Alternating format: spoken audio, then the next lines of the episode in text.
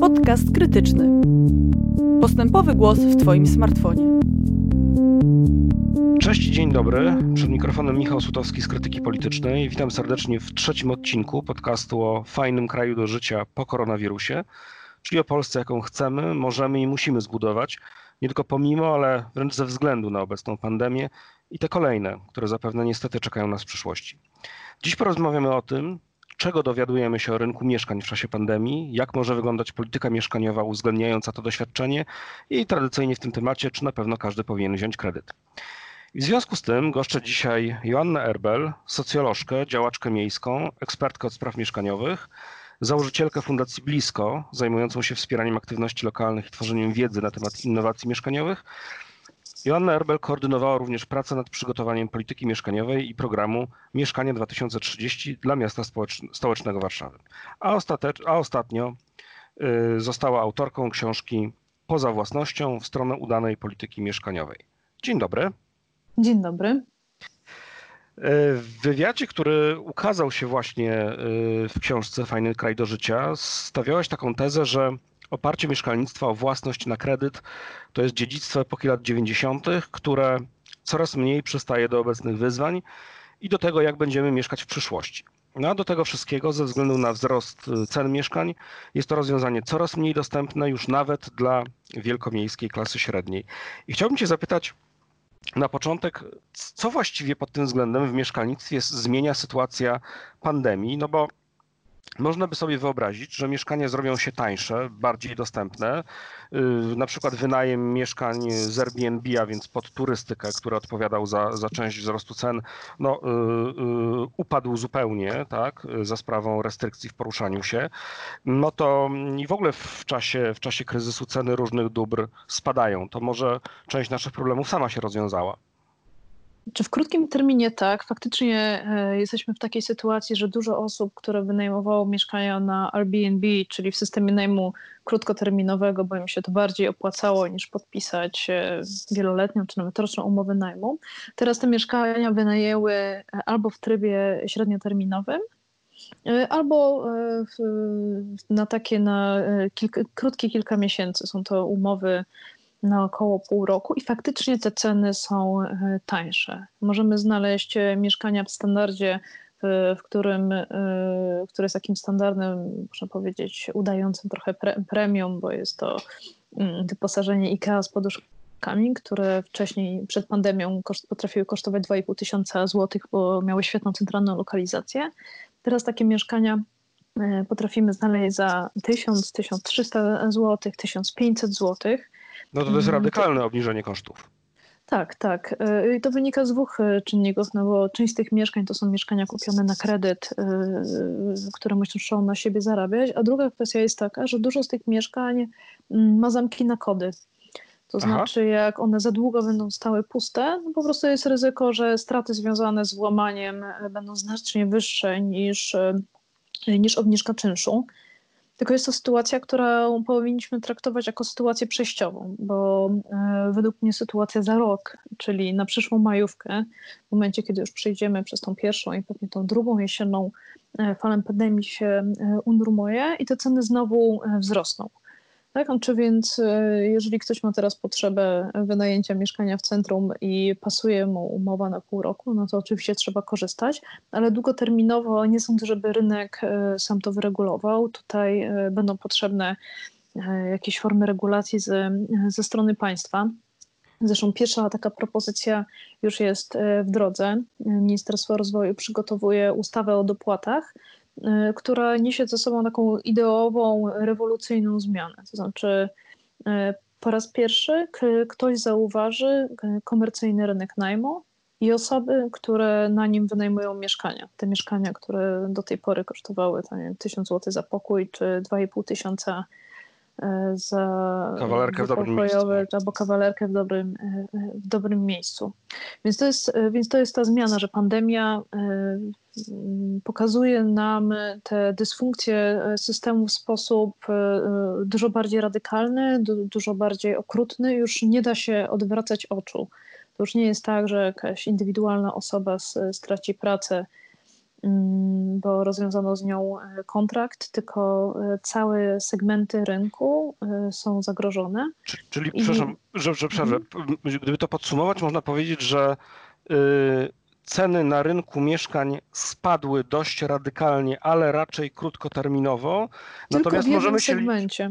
I, tylko, i tylko w, innym segmencie. segmencie, natomiast, czyli tego wynajmu krótkoterminowego. Natomiast możemy zakładać, że y, na dłuższą metę spadek dochodów, czyli krótko mówiąc to, że ludzie tracą pracę, tracą y, źródła utrzymania, krótko mówiąc mają mniej pieniędzy na to, żeby je wydać na mieszkanie, to może być zjawisko dużo trwalsze, a y, ono nie znajdzie odzwierciedlenia w cenach, bo ceny innych mieszkań albo w ogóle nie spadną, albo spadną w niewielkim stopniu w porównaniu do tego spadku dochodów. Czy dobrze rozumiem?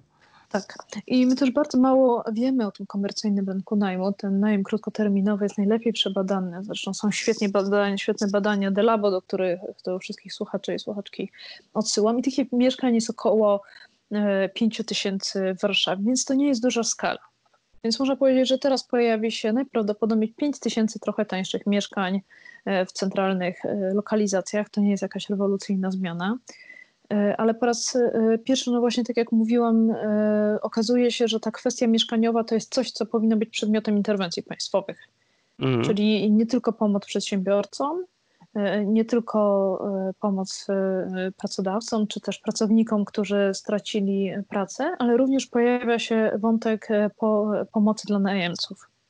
No, tylko właśnie, bo y, czytam jeden z Twoich ostatnich artykułów, w którym y, no, pochwalasz czy promujesz tą ideę dopłat do czynszów, czy dopłat y, z, ze środków publicznych do czynszów na rynku najmu prywatnego. Czyli wynajmujemy prywatnie mieszkanie, ono jest stosunkowo drogie, no bo takie, tak się kształtują ceny na rynku i w związku z tym państwo powinno, zwłaszcza w czasie kryzysu, przynajmniej jakąś część tej, tej kwoty.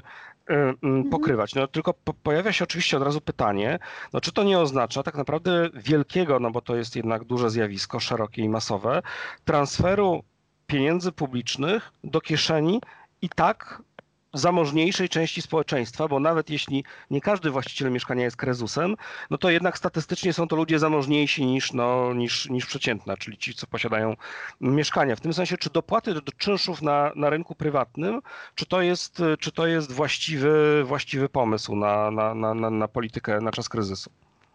Znaczy, pod jednym warunkiem, znaczy to rozwiązanie, które jest przygotowywane, ono nie mówi o, e, o jakiejś maksymalnych, e, maksymalnej wysokości czynszu. Za to zostało wprowadzone inne rozwiązanie, to znaczy jedna z, z, z tych pierwszych wersji tarczy, tarty, tarczy antykryzysowej miała zapis, że do 30 czerwca nie można rozwiązywać w ogóle zmieniać umów najmu.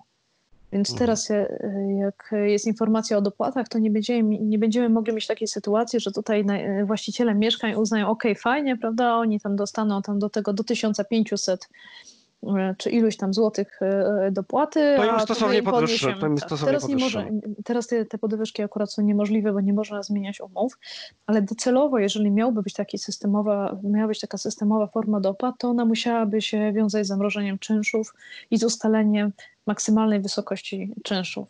To nie jest nic nowego, bo takie rozwiązanie istnieje już od kilkudziesięciu lat w Europie w postaci społecznych agencji najmu. Społeczne agencje najmu to są mm, takie podmioty, one mogą być, y, mogą być to organizacje pozarządowe, w sumie mogłyby być to też y, miejskie spółki które y, wynajmują mieszkania, które potem podnajmują po ustalonej cenie osobom, które są w potrzebie. No i zazwyczaj ta cena, y, po której oni wynajmują y, czy od spółdzielni, czy od prywatnych właścicieli jest trochę niższa niż rynkowa, ale w zamian za to gwarantują płatność czynszu, bo biorą to na siebie, więc, mhm. ryzyko, więc nie ma tu takiego ryzyka, że się trafi jakaś osoba, która będzie niewypłacalna oraz zajmują się też tym mieszkaniem. Czyli to jest trochę taka sytuacja, że y, mamy swoje prywatne mieszkanie, wkładamy je do takiego sanu i mówimy, że ok, to na, na najbliższe 5 lat mamy spokój. Jesteśmy umówieni na jakąś sumę X z tą organizacją i mamy taki rodzaj ciągłości. Zresztą takie rozwiązanie też y, funkcjonuje w Poznaniu w postaci Miejskiego Biura Najmu, gdzie y, Poznań, który musiał po kontroli NIK-u dostarczyć nowych mieszkań komunalnych, wynajął je po prostu na rynku po cenach, które są niższe od rynkowych i osób chętnych było bardzo dużo bo tak naprawdę my teraz nawet nie wiemy, e, ile takich mieszkań, które są mieszkaniem po babci albo są mieszkaniem, które gdzieś tam jest e, w rodzinie, i do tych mieszkań stoi pustych. W dużej mierze dlatego, że ludziom, którzy są właśnie ich właścicielami, po prostu nie chce się nimi, e, nimi zajmować. No oczywiście jest to inna grupa niż osoby, które kupują te mieszkania w celach spekulacyjnych, no bo może przypomnijmy, taka jest dość szokująca liczba gdzieś krążąca, no nie tylko po sieci, bo to są oficjalne dane, ale że 70% mieszkań w Polsce jest kupowanych za gotówkę, prawda? Co oznacza, że no, zakupów tych dokonują w dużej mierze ludzie no jednak dobrze, dobrze sytuowani. No czy to są ludzie, którzy wchodzą właśnie w wiek emerytalny i wiedzą, że mieszkanie daje im wyższą stopę zwrotu niż jakakolwiek inna y, forma inwestycji. Tak. Więc e, tylko jest pytanie, ile tych mieszkań będzie docelowo, tak? No bo e, teraz mimo tego, że mamy ten kryzys pandemiczny, to mieszkania sprzedają się bardzo dobrze. Jedyny no problem to jest e, to, że e, trudno podpisać umowę no, e, u notariusza ze względu na te obostrzenia związane z kontaktem. Ale... A czy, przepraszam, ale to, to, powiedzmy, a dlaczego właściwie sprzedają się tak bardzo dobrze? No wydawałoby się taki y, intuicyjnie można powie powiedzieć, że popyt w sytuacjach ciężkiego kryzysu raczej powinien spadać na takie dobra, zwłaszcza no, jednak wymagające sporych, sporych nakładów i wiążące się z jakimś ryzykiem. Skąd Chyba, że masz nadmiar gotówki.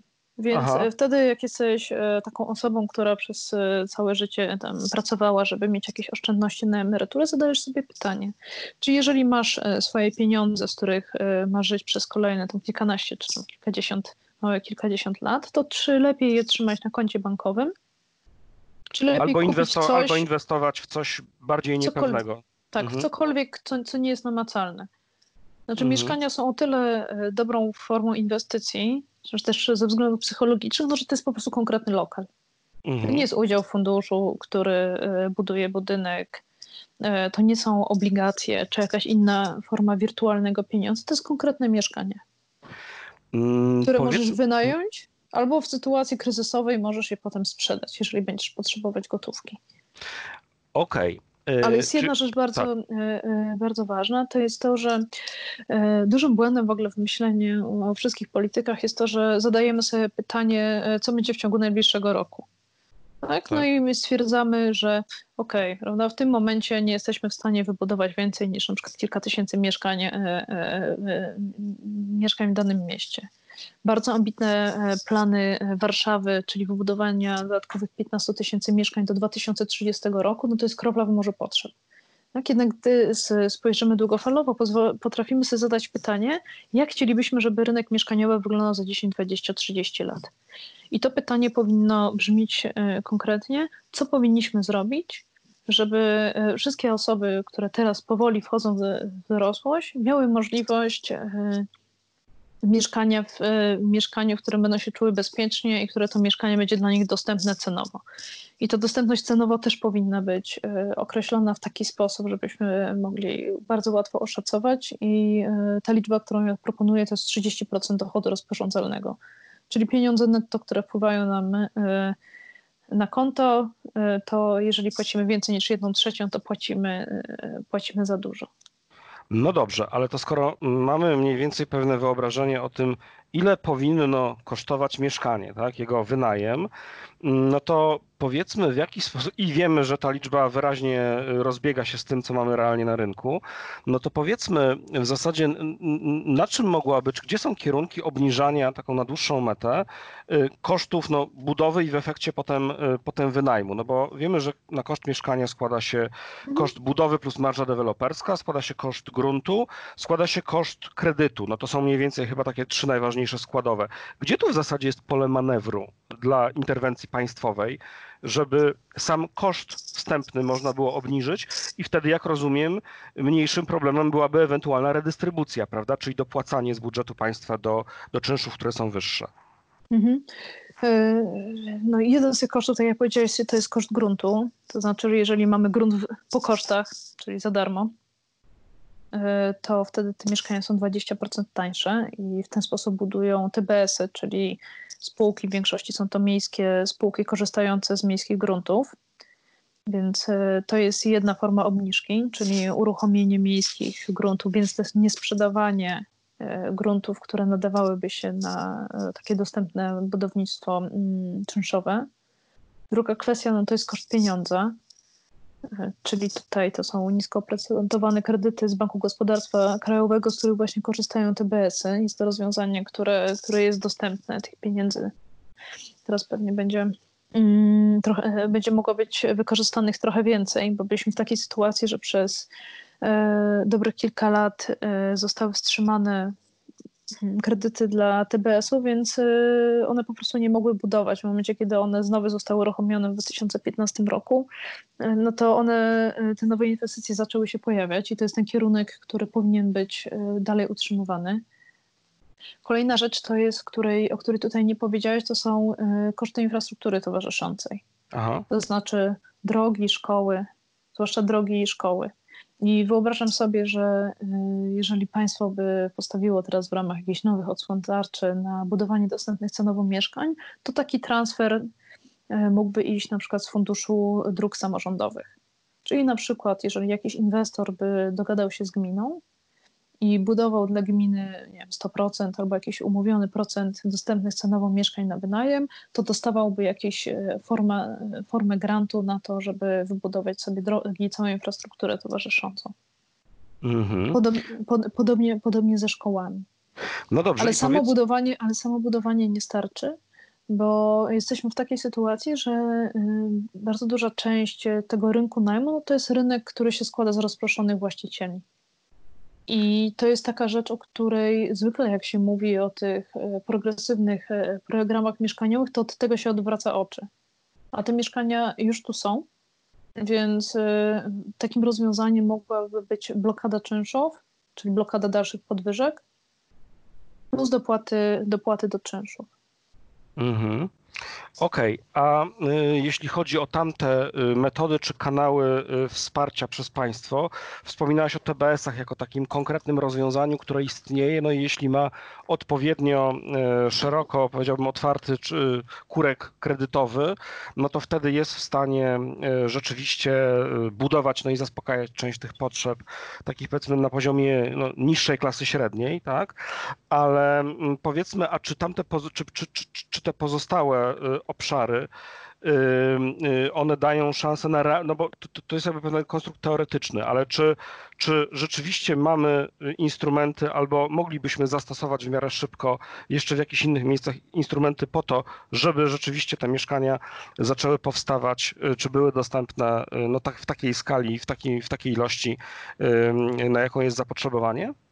A wiesz co, instrumenty są pochodną decyzji politycznych. No właśnie. I wiesz, e, to jest trochę takie stwierdzenie, które jest e, banałem, ale e, jeżeli nie będzie zgody odnośnie tego, że polityka mieszkaniowa jest priorytetem, więc wszystkie ręce na pokład, żeby uruchomić wszystkie grunty miejskie, powyjaśnić wszystkie niejasności prawne, plus dogadać się pomiędzy poziomem samorządowym a rządowym, bo tu cały czas e, są e, inwestycje PFR nieruchomości i mieszkanie, e, i mieszkanie plus jako też jeden z takich, jedno z takich źródeł pozyskiwania mieszkań, dopóki nie będzie konsensusu, że to jest naprawdę bardzo ważne i nie można tego odkładać, to będziemy cały czas się borykać z, z tą sytuacją, którą, którą mamy teraz.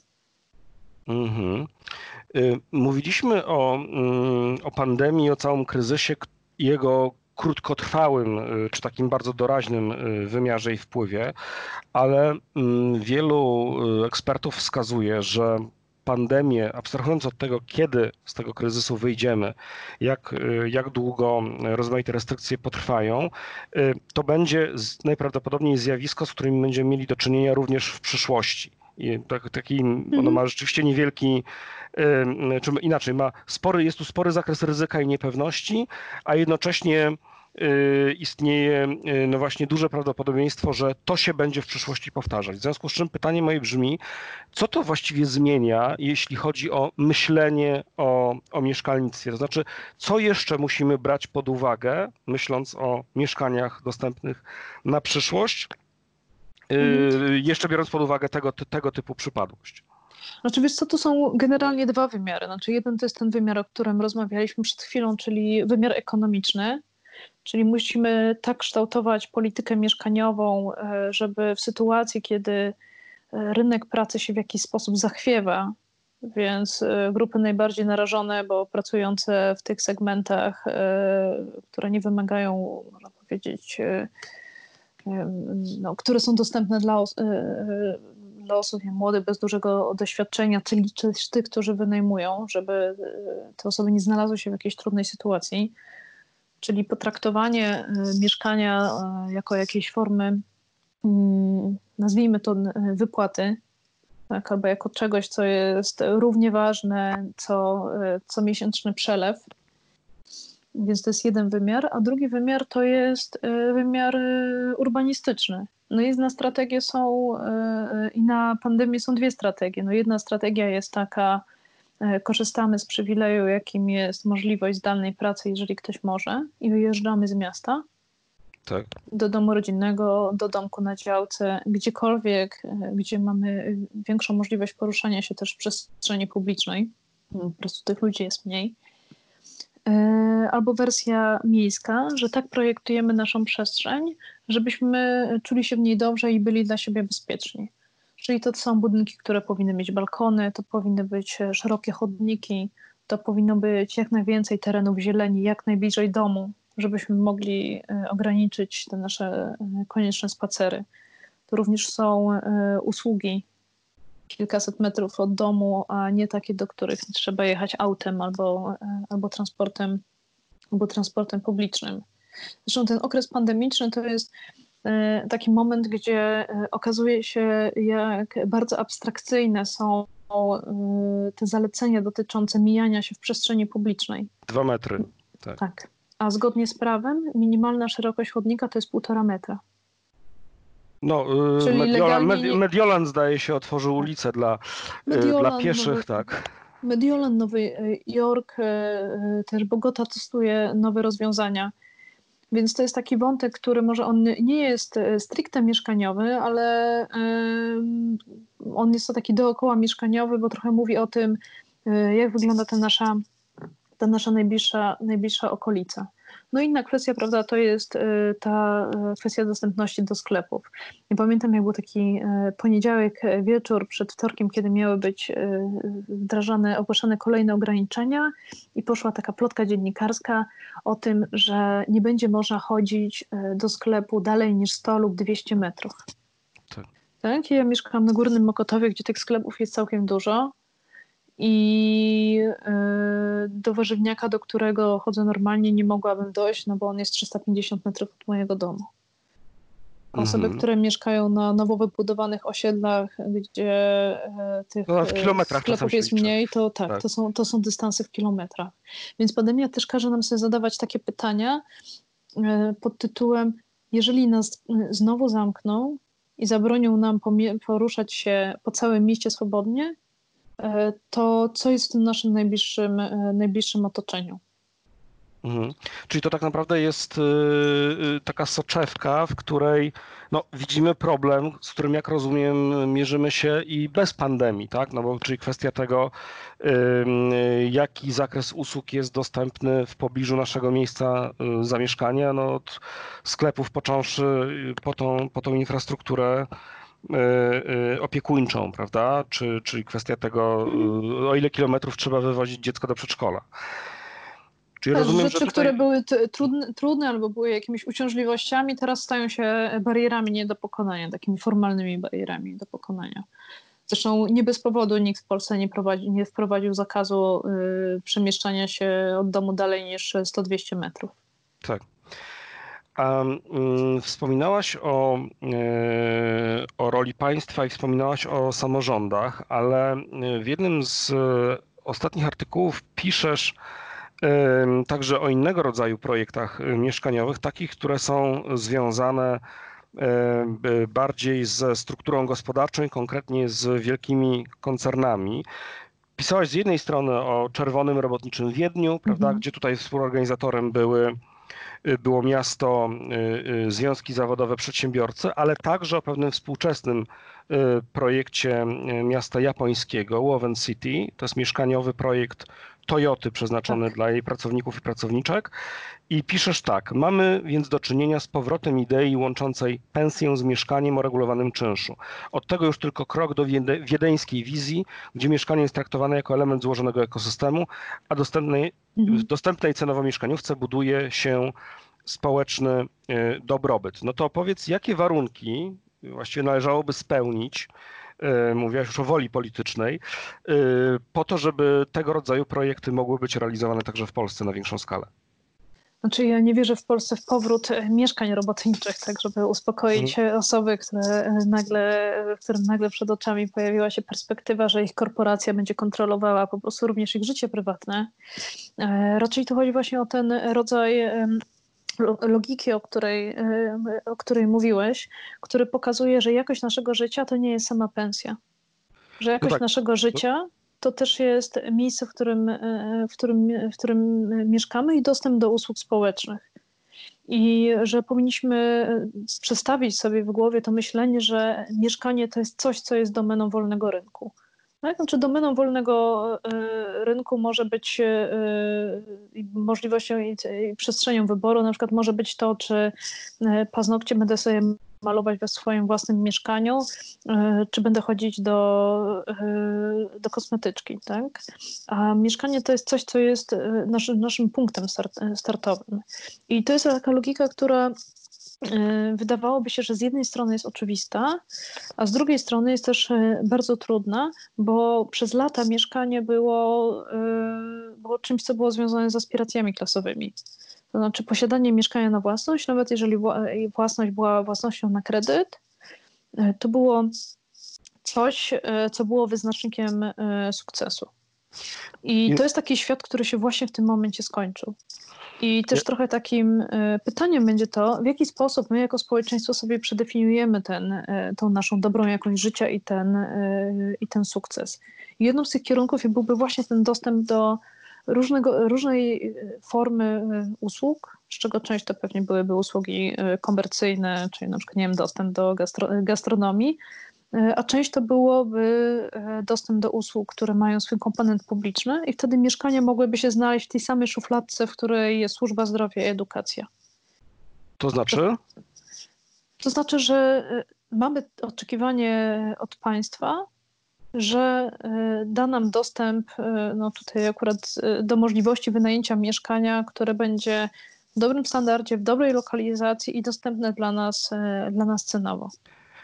A czy, bo powiedziałaś o tym udziale sektora komercyjnego, w który jakoś interweniuje czy ingeruje państwo, a czy w Twoim przekonaniu państwo może, czy powinno yy, budować mieszkania trochę na takiej zasadzie, jak kiedyś e, wyśmiane po części hasło e, jednego z polityków o tym, że państwo powinno budować, znowu budować fabryki, prawda? On miał na myśli reindustrializację, ale, ale czy, czy jest istotne, kto te mieszkania, e, kto te mieszkania buduje? Czy to jest podmiot prywatny, deweloper, czy to jest rzeczywiście instytucja państwowa? Czy tutaj widzisz jakiś sensowny kierunek działania ze strony, ze strony właśnie instytucji, instytucji publicznych? Znaczy, żeby one nie tylko regulowały czy na przykład y, dopłacały do czegoś, ale również y, y, no, same tworzyły pewien zasób mieszkaniowy.